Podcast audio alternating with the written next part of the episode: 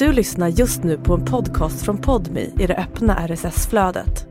För att få tillgång till Podmis alla premiumpoddar helt utan reklam, prova Podmi Premium kostnadsfritt. Ladda ner appen i App Store eller Google Play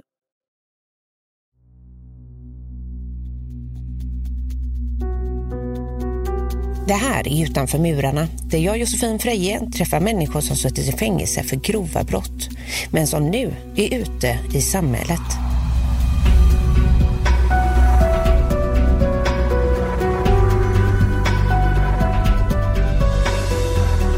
Han har varit president för mc-klubben Mongols och Crime Inc. samt ledare för OG, Original Gangsters i Stockholm. Idag är han kusk. Jag har träffat Jonas Bergdahl som lagt sitt kriminella liv bakom sig och satsat på travet. En resa från proffskontrakt i ishockey via gängkriminalitet till hästarna. Jonas är dömd för såväl grovt skattebrott i miljonklassen som grov kvinnofridskränkning. Han skenavrättade sin exflickvän. Men idag är han en fri man som avtjänat sitt straff och som mot alla odds skaffat sig ett framgångsrikt äkta Svenssonliv. Jag står upp för det jag har gjort. Jag lever ju i den dömande världen hela tiden. Jag får inte misslyckas för jag får ingen andra chans.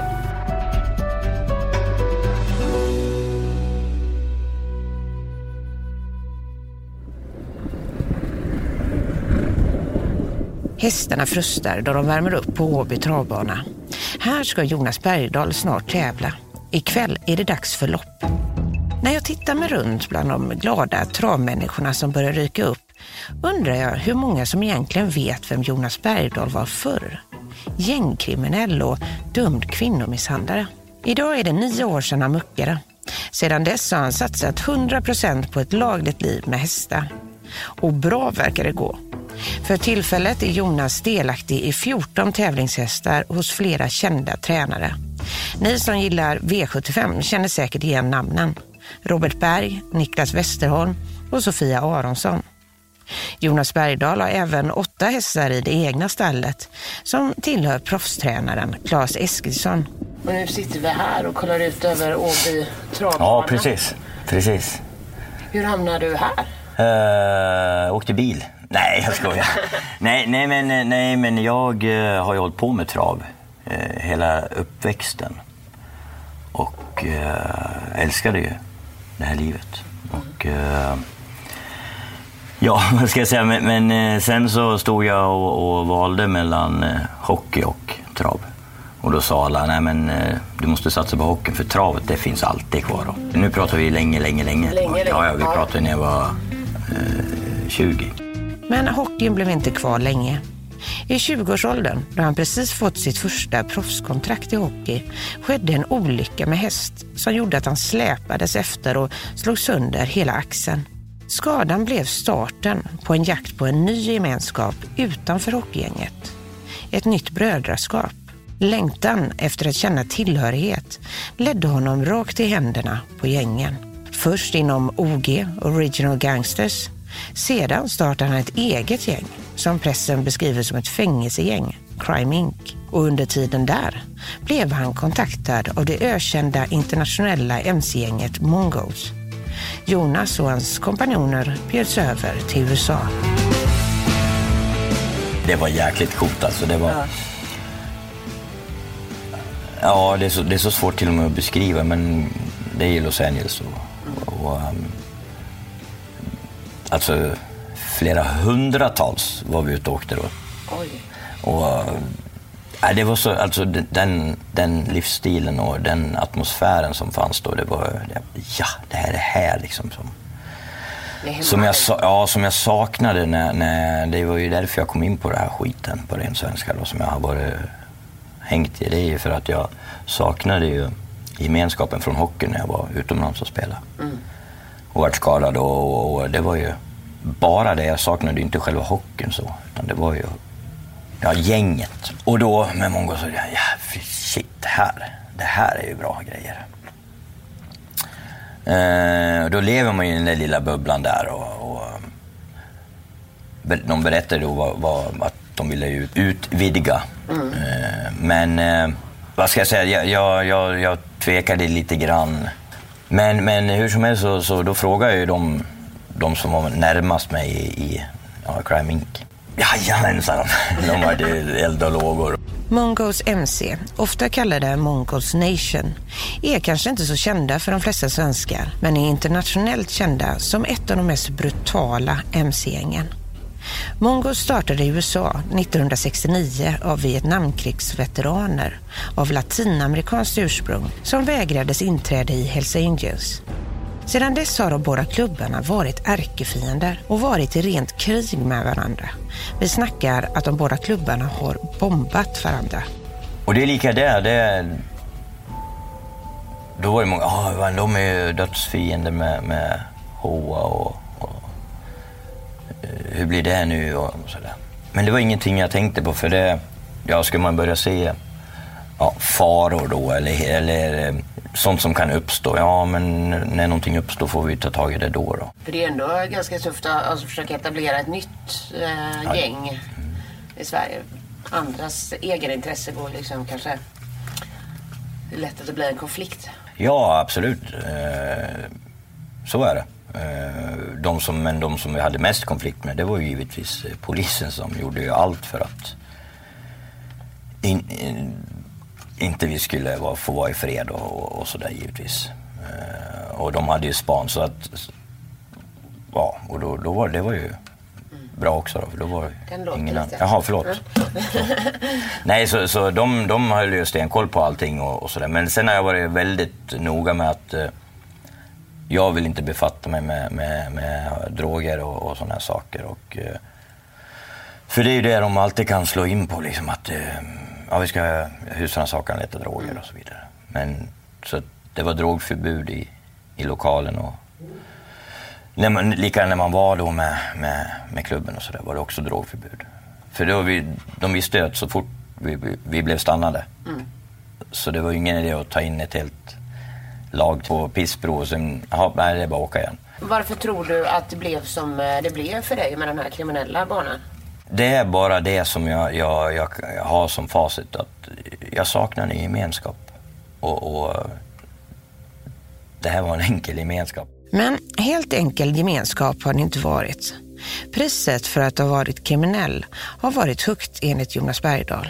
Inte bara för den fängelsetid han avtjänat, utan för straffet som kommit sen, efter muck. Jonas Bergdahl menar att han idag, nio år utanför murarna, fortsätter att straffas för sitt förflutna trots att han styrt upp sitt liv. När man då har den här dömande synen på, en, på sig hela tiden, att eh, det tisslas och tasslas och, och det pratas skit, och, oftast på grund av rena eh, avundsjuka. Det är ju allt skitsnack i princip så har jag med mig hela tiden bara, jag får inte misslyckas för jag får ingen andra chans. För mig finns det inte, jag tänker inte ens på att eh, om det här händer, då tar jag plan B.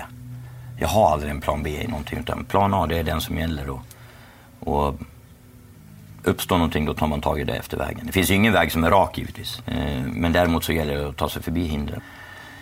Jag lever ju i den dömande världen hela tiden. Eh, ja, ja det, det, är klart att det, det, det föds ju avundsjuka och, och allting när man lyckas med det man tar sig till. För jag gör verkligen det. Jag lyckas med det, det jag gör. Och, men jag ser ju aldrig några hinder utan det är upp till mig själv som person att eh, ta mig till målet. Och, och, om, jag, om jag är 99 procentig så då, det är klart att då kommer jag inte nå 100 procent. Men har jag en inställning på att alltid är 100 procent så då kommer jag alltid nå dit jag vill. Och det spelar ingen roll vad man har för rådgivare eller kriminalvård då, eller, man, eller föräldrar, kompisar eller coacher eller vad som helst runt sig om man inte vill till 100% själv. För det är ju aldrig någon annan som kan få dig att lyckas utan det är bara upp till mig själv. En sak som det särskilt skvallras om i travbranschen är enligt Jonas hur han, som tidigare gängkriminell, kan komma in i deras värld och ha råd med den finaste salkin och de fina hästarna. Han kommer ihåg vad hans bror brukade säga till honom. skulle du gömma dig och det var mörkt rum så, så syns det i alla fall. Så att, ehm, men, men det är så det är. Och, och, och men jag, jag, tycker att eh, livet är underbart. då det är bara upp till en själv vad man gör det till. Ja, jag vet inte vad jag ska säga. Det, det är ju ingen mental eh, podd här. Men, men, men det, det, är som sagt, man väljer sitt liv själv och, och, hur det ska vara. Det som har varit har varit och, och man kan bara göra det bättre om man tycker att man har haft ett dåligt liv. Och vara tacksam över det man har då. Det är lika där det tisslas och tasslas lite och, och jag har ju ganska fräscha grejer och, och, och sådär och valt att köpa allting nytt. Eh, och bra personal och, och, och bra hästar. Och, så att, eh, men, men det är ju många som, som, in, som bara har träffat mig nu på eh, sista året kan man säga och som, som inte hade en aning om att, vad jag, att jag är uppväxt med det här liksom, ja. travet. Oj. Eh, som man fan tror han att han är. Bara, bara lite. Men, Kommer med snygga grejer, ja, dyra hästar. Ja, så är det. Men, men som sagt var, sen, allting har med ödmjukhet att göra. Man, man eh, får aldrig skena iväg och, och, och tro att man är Allan Ballan, utan man, man måste alltid ha ögonen öppna för att lära sig nya saker hela tiden. Och eh, sen eh, hur mycket jag än försöker gömma mig och alltså ducka för saker och ting så, så blir det i alla fall att man är liksom, man syns. Tissel, tassel, skvaller och avundsjuka. Så beskriver Jonas det. Jag kan dock lite förstå att det snackas. Han har inte bara varit mc-gängledare och suttit i fängelse för grovt skattefiffel. Han är även dömd för grov kvinnofridskränkning. Han ska ha slagit, spottat på och försökt kväva en tidigare flickvän. Jag läser också i domen att han vid ett tillfälle ska ha satt vad hon uppfattade som en pistol mot hennes huvud och tryckt av. Vi snackar typ skenavrättning. I domen står det att hon trodde att hon skulle dö. Jag eh, vill inte prata så mycket om det som har varit. Utan det, det viktigaste för mig är att folk förstår att det är bara upp till mig själv att vilja göra något annat. Det kan ju inte spela ingen roll hur mycket hjälp man har. Känner du äh, äh, ånger för de brott du har begått? Ja, det är absolut. Det är, jag ångrar ju allt på det sättet liksom som man har gjort. Och, och det jag har gjort eh, människor illa, ja, som inte har varit inblandade i brott och, och, så vidare. Utan det är klart att jag känner ånger. Men sen är det, det jag, jag, har valt att inte hålla på att gå in i, i vissa grejer. Vi säger den här kvinnofridsgrejen där. Mm. Jag var där. Jag vet vad som hände. Och, och, eh, och jag har bott där. Jag vet vad som hände. Men hålla på nu efter så många år, jag menar, vad var det här 2006? Vad är det nu? 15, 17 år sedan. Jag vet inte om det gör mig något lyckligare. Nej, Jonas kan inte se hur han skulle bli lyckligare över att prata om att han är dömd för kvinnomisshandel. Han fick två års fängelse för att upprepade gånger ha slagit sin dåvarande flickvän. Bara ett tillfälle av misshandel erkänner han delvis i domen. Jag märker att han vill tona ner vad han faktiskt ser dömd för. Eh, men det är klart att... Förnekar du det brottet? Nej, nej, nej, nej. Inte, inte på det sättet. Men jag, jag var... Jag har ju... Hur ska jag förklara? Det, det, det, finns ju alltid två sidor av allting. Det man, man, om man vet någons ömma punkter och man trycker på dem hela tiden. Är det okej? Okay? Eh, inte i min värld i alla fall. Och, och, vet man hur man ska reta upp lillebror eller lillasyster när man var liten så då gjorde man ju så. Ja, men det där fortsätter ju i vuxna livet. Sen är ingenting okej. Okay, liksom. Det är inte okej okay att ta tag i en annan människa. Såklart. Det ska man absolut inte göra. Men är det okej okay att få en, en hyrvel? Det, det, det, för mig är det liksom så här... Eh, aldrig okej okay med våld. Aldrig någonsin. Åt något håll. Så det är klart att jag, jag ångrar det jag är dömd för, absolut. 100 procent. Jonas Bergdahl hamnade på Västervik för att avtjäna sitt straff för grov kvinnofridskränkning. Där träffade han Christian, som jag också har träffat den här säsongen. Om ni inte hört det avsnittet, gör det. Christian kallar avdelningen som han och Jonas satt på för kvinnoboxaravdelningen. Och Christian har en liten annan syn på det gäng som Jonas drog igång där. Crime Inc. Hur var det att vara på, på Västervik? Eh, ja, jag, jag, jag fick inte sitta kvar på den avdelningen. Du slogs där inne? Nej, det, det, det, nej, det gjorde jag kanske inte. Men jag fick inte sitta kvar där i alla fall. Så det, det, det var väl lite, lite, lite tumult. Eh, och, och, vi var väl några som blev lite för starka och så ville de splitta på oss. Då, och, ja. Det här eh, eh, Crime Inc. Mm. Vad var det för något? Vad var det för något? Vad var det för något? Bara namnet liksom. Crime Inc. Ungefär som att det var ett företag och inte ett gäng. Jonas berättar att anledningen att han startade gänget var för att han var förbannat trött på rättssamhället då han ansåg sig felaktigt dömd. Då tänkte jag nu, nu drar jag igång någonting. Och det gjorde jag med buller och bång. Crime Inc. hamnade snabbt på polisens och medias radar och har beskrivits som ett fängelsegäng. Men till skillnad från vanliga gäng i Sverige rekryterar de enligt Jonas Bergdahl även aktivt folk som aldrig tidigare haft med kriminalitet att göra. Ja, det var ju kriminalvårdare som kom med in. Och, så att, eh, ja, det var det. Det är ju bra kontakt att ha i gänget liksom. Ja, fast precis. Eh, han slutade ju då. Självmant hette det. Ja.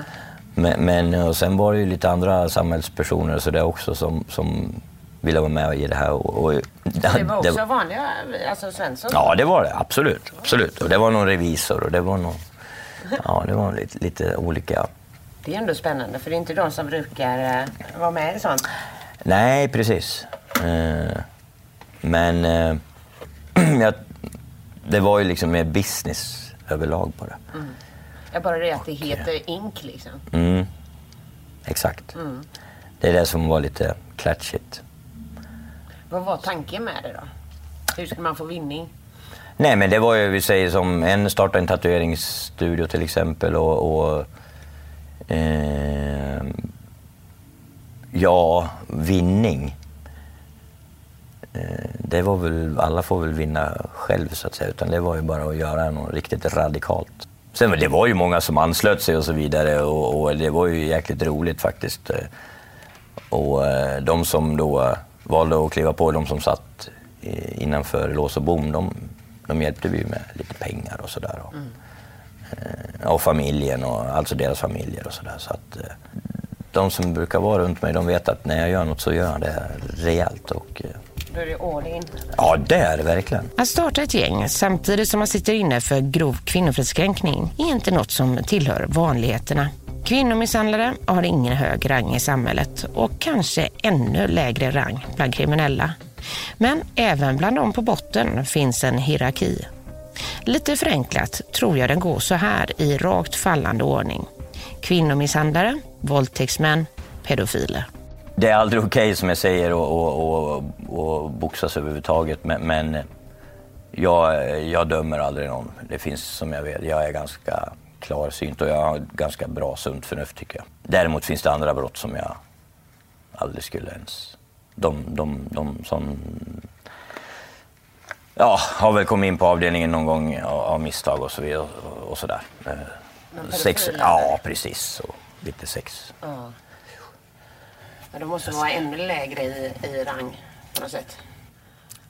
Ja, precis. Det kan man ju lugnt säga. Vissa eh, kan ju säkert tänka så här att är, är man en gång kvinnomisshandlare, är alltid kvinnomisshandlare. Liksom. Och att den eh, stämpeln hänger kvar. Liksom. Att då är man ett asshole. Ja.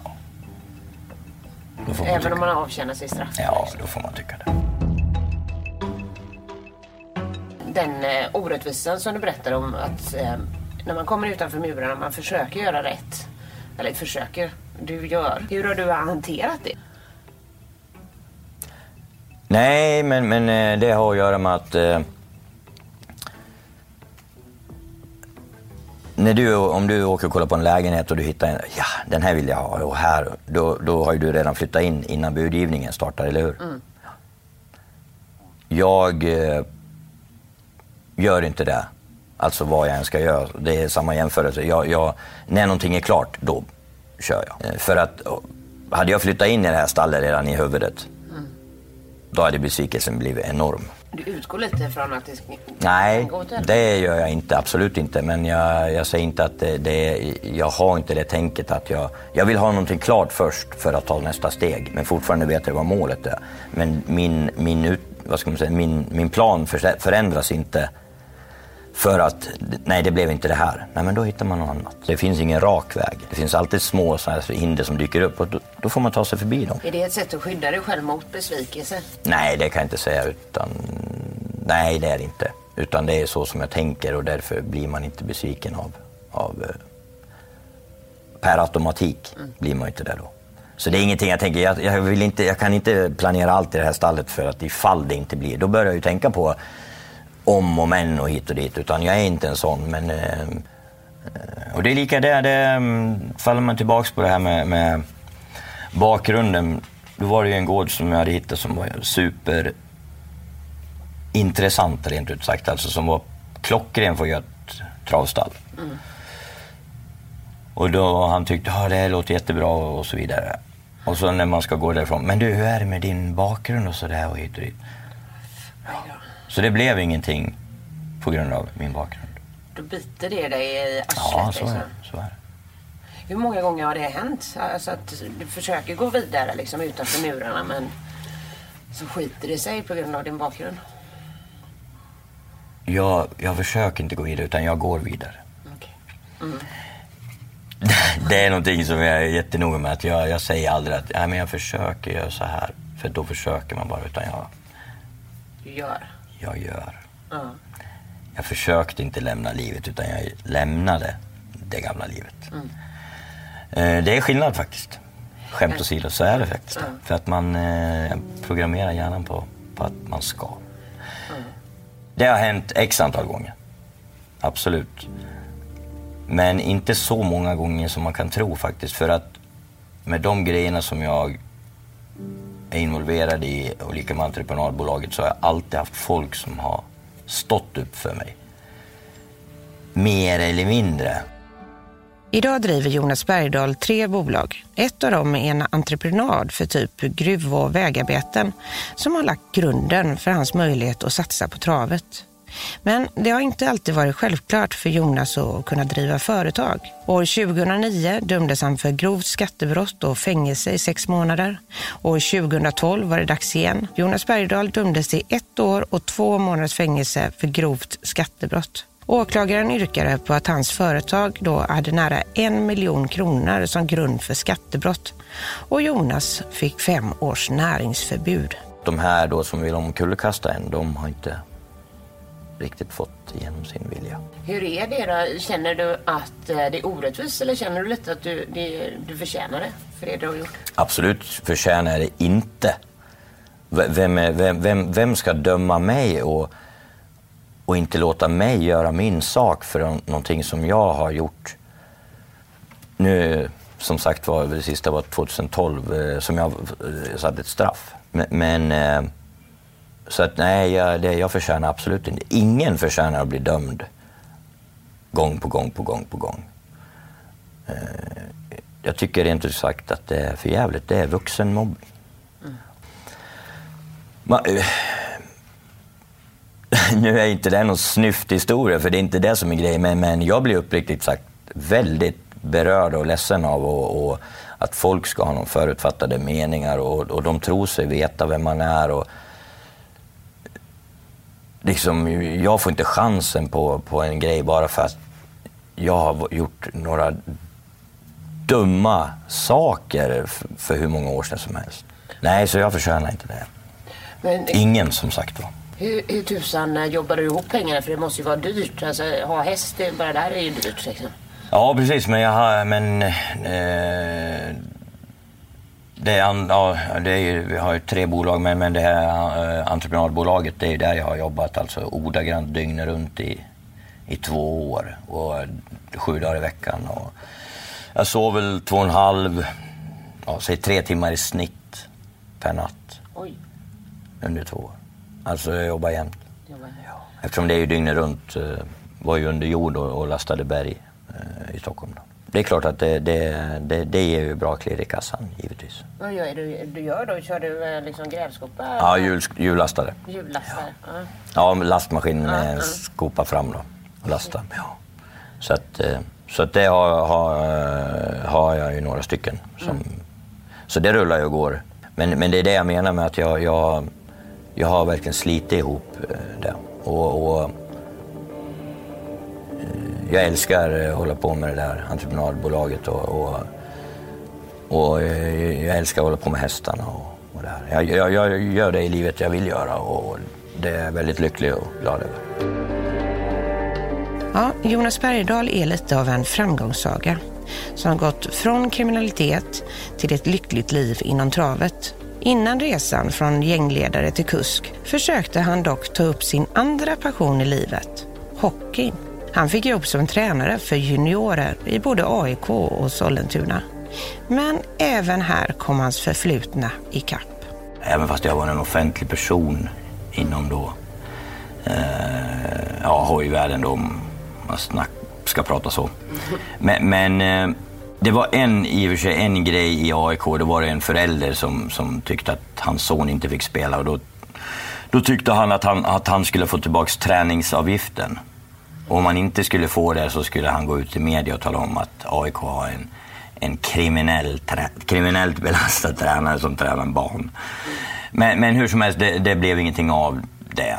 Eh, men däremot då i Sollentuna så eh, blev jag uppringd av eh, Expressen. Nej, Aftonbladet. Aftonbladet, Aftonbladet. Och eh, han sa ju att, eh, att ja, du är en intressant person och, och du lyckas ju med det du tar dig till och, och det måste vara ett driv i dig och, och sånt där. Men vi skulle vilja skriva lite om det här för det är några föräldrar som har hört av sig.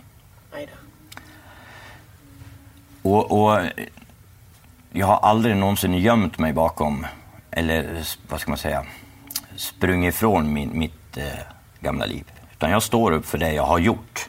Sånt som har följt med av, av farten i, i en rättegång som man inte har gjort. Det kommer jag aldrig stå för. Eh,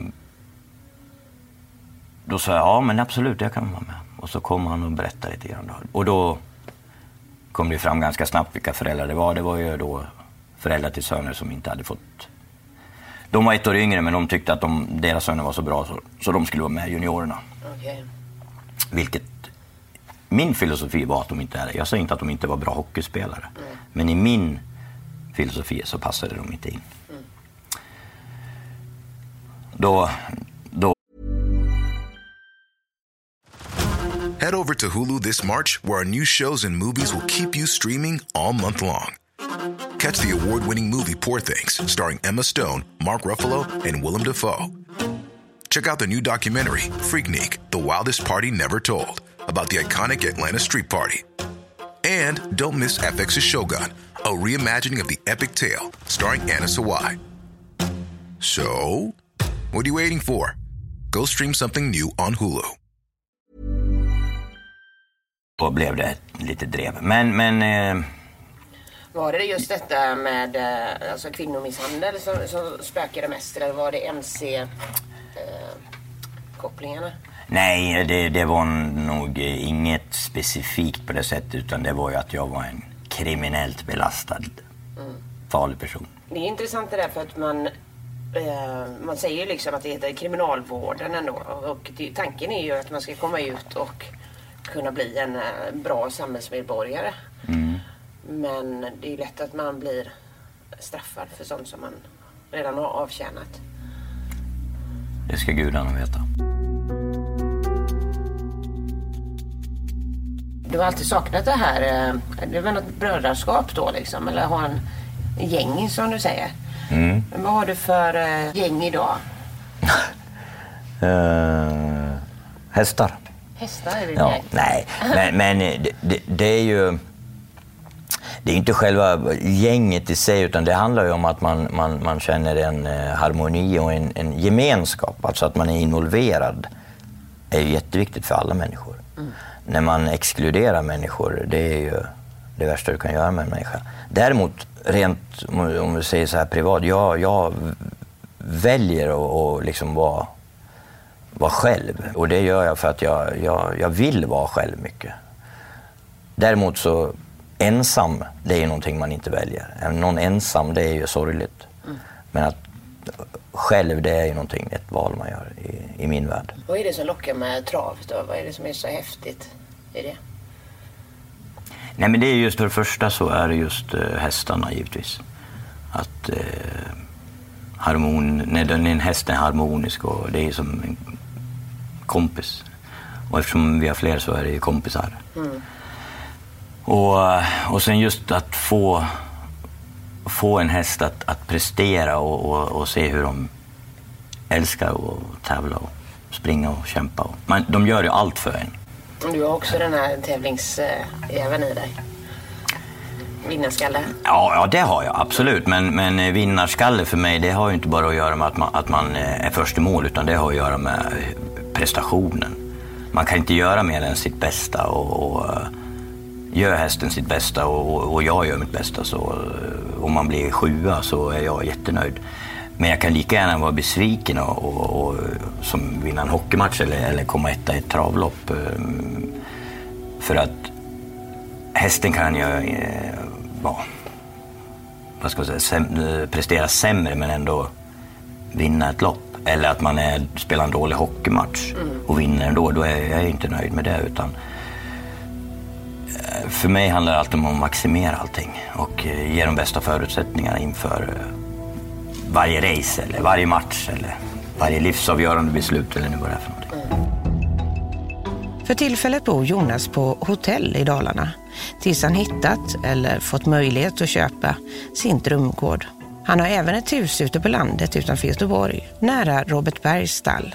Självaste herr V75 som är storstjärna inom travvärlden och en av de människor som Jonas säger har hjälpt honom komma på rätt köl igen utanför murarna.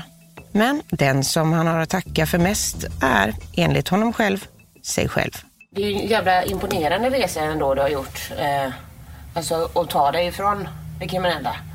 Och sen nu sitter du här och du ska tävla idag på ja. travbanan. Mm.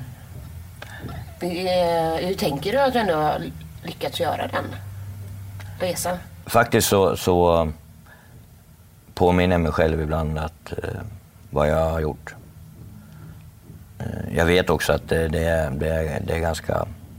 Vare sig man har ett bagage mm, som jag har och som många andra har i baken eller om man har ett eh, kliniskt rent, nu vad det är för någonting, mm. men, men eh, CV då. Så krä, det, det, är ju fortfarande inte så många som tar sig an och, och, och lyckas. Och sen det som hör till saken är att jag har gjort det här alltså helt själv det är ingen finansiär som har varit bakom. Eller, jag har jobbat och slitit till mig varenda krona jag har. Eller det jag har, liksom, det har jag jobbat ihop själv. Det är ingenting som någon har på grund av, på grund av mig så är han där. Eller på grund av eh, mina pengar. Eller, ja, men den där han har en finansiär bakom. Det finns ingen som kan säga så. Om du hade träffat har fått en möjlighet att snacka med dig själv för typ 20 år sedan. Och du kom som en egen storebror till dig själv. Vad hade du sagt till dig själv då? Det, det, ja, det är så svårt. Men det är många, många som ringer mig och vill ha hjälp. Både sådana som inte sitter inne, för jag är ju utbildad mental rådgivare också. Mm. Eller ehm, vad heter det? diplomerad, så heter det. Mm. Eh, det. Det som är det viktiga i det, det är ju att, man, att den person man pratar med vet att den har ett stöd. Inte bara ibland, utan jämt. Och inte bara när det går bra, utan även när det är riktigt dåligt. Och att den känner en genuin ärlighet och en eh, lojalitet, alltså det vill säga man är involverad. Och sen just det här med att man står upp för personen hela tiden.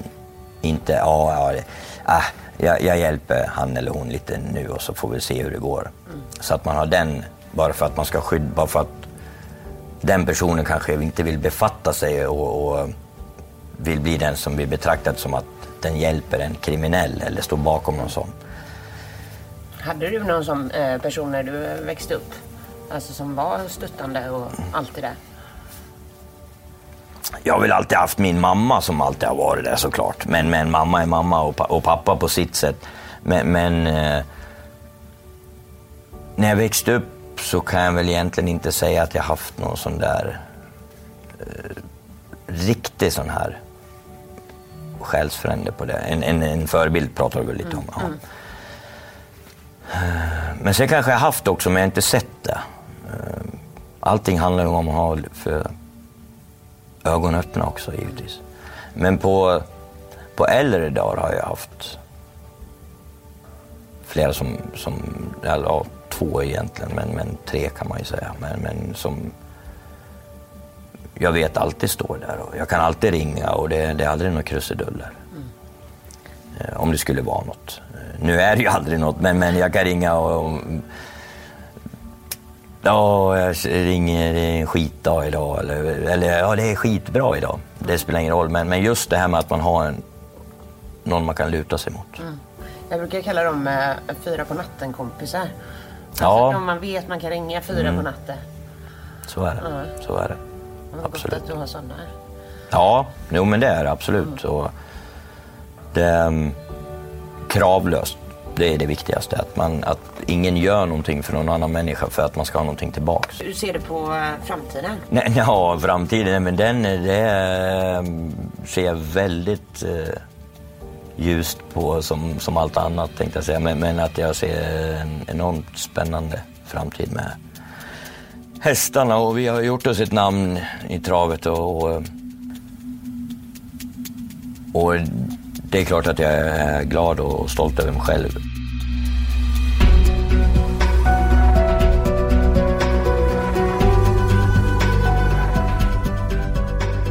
Tack för att du har lyssnat på Utanför murarna. Jag heter Josefin Freje och du får jättegärna höra av dig med synpunkter och tips på vem jag ska träffa härnäst. Mailen är utanförmurarna.gmail.com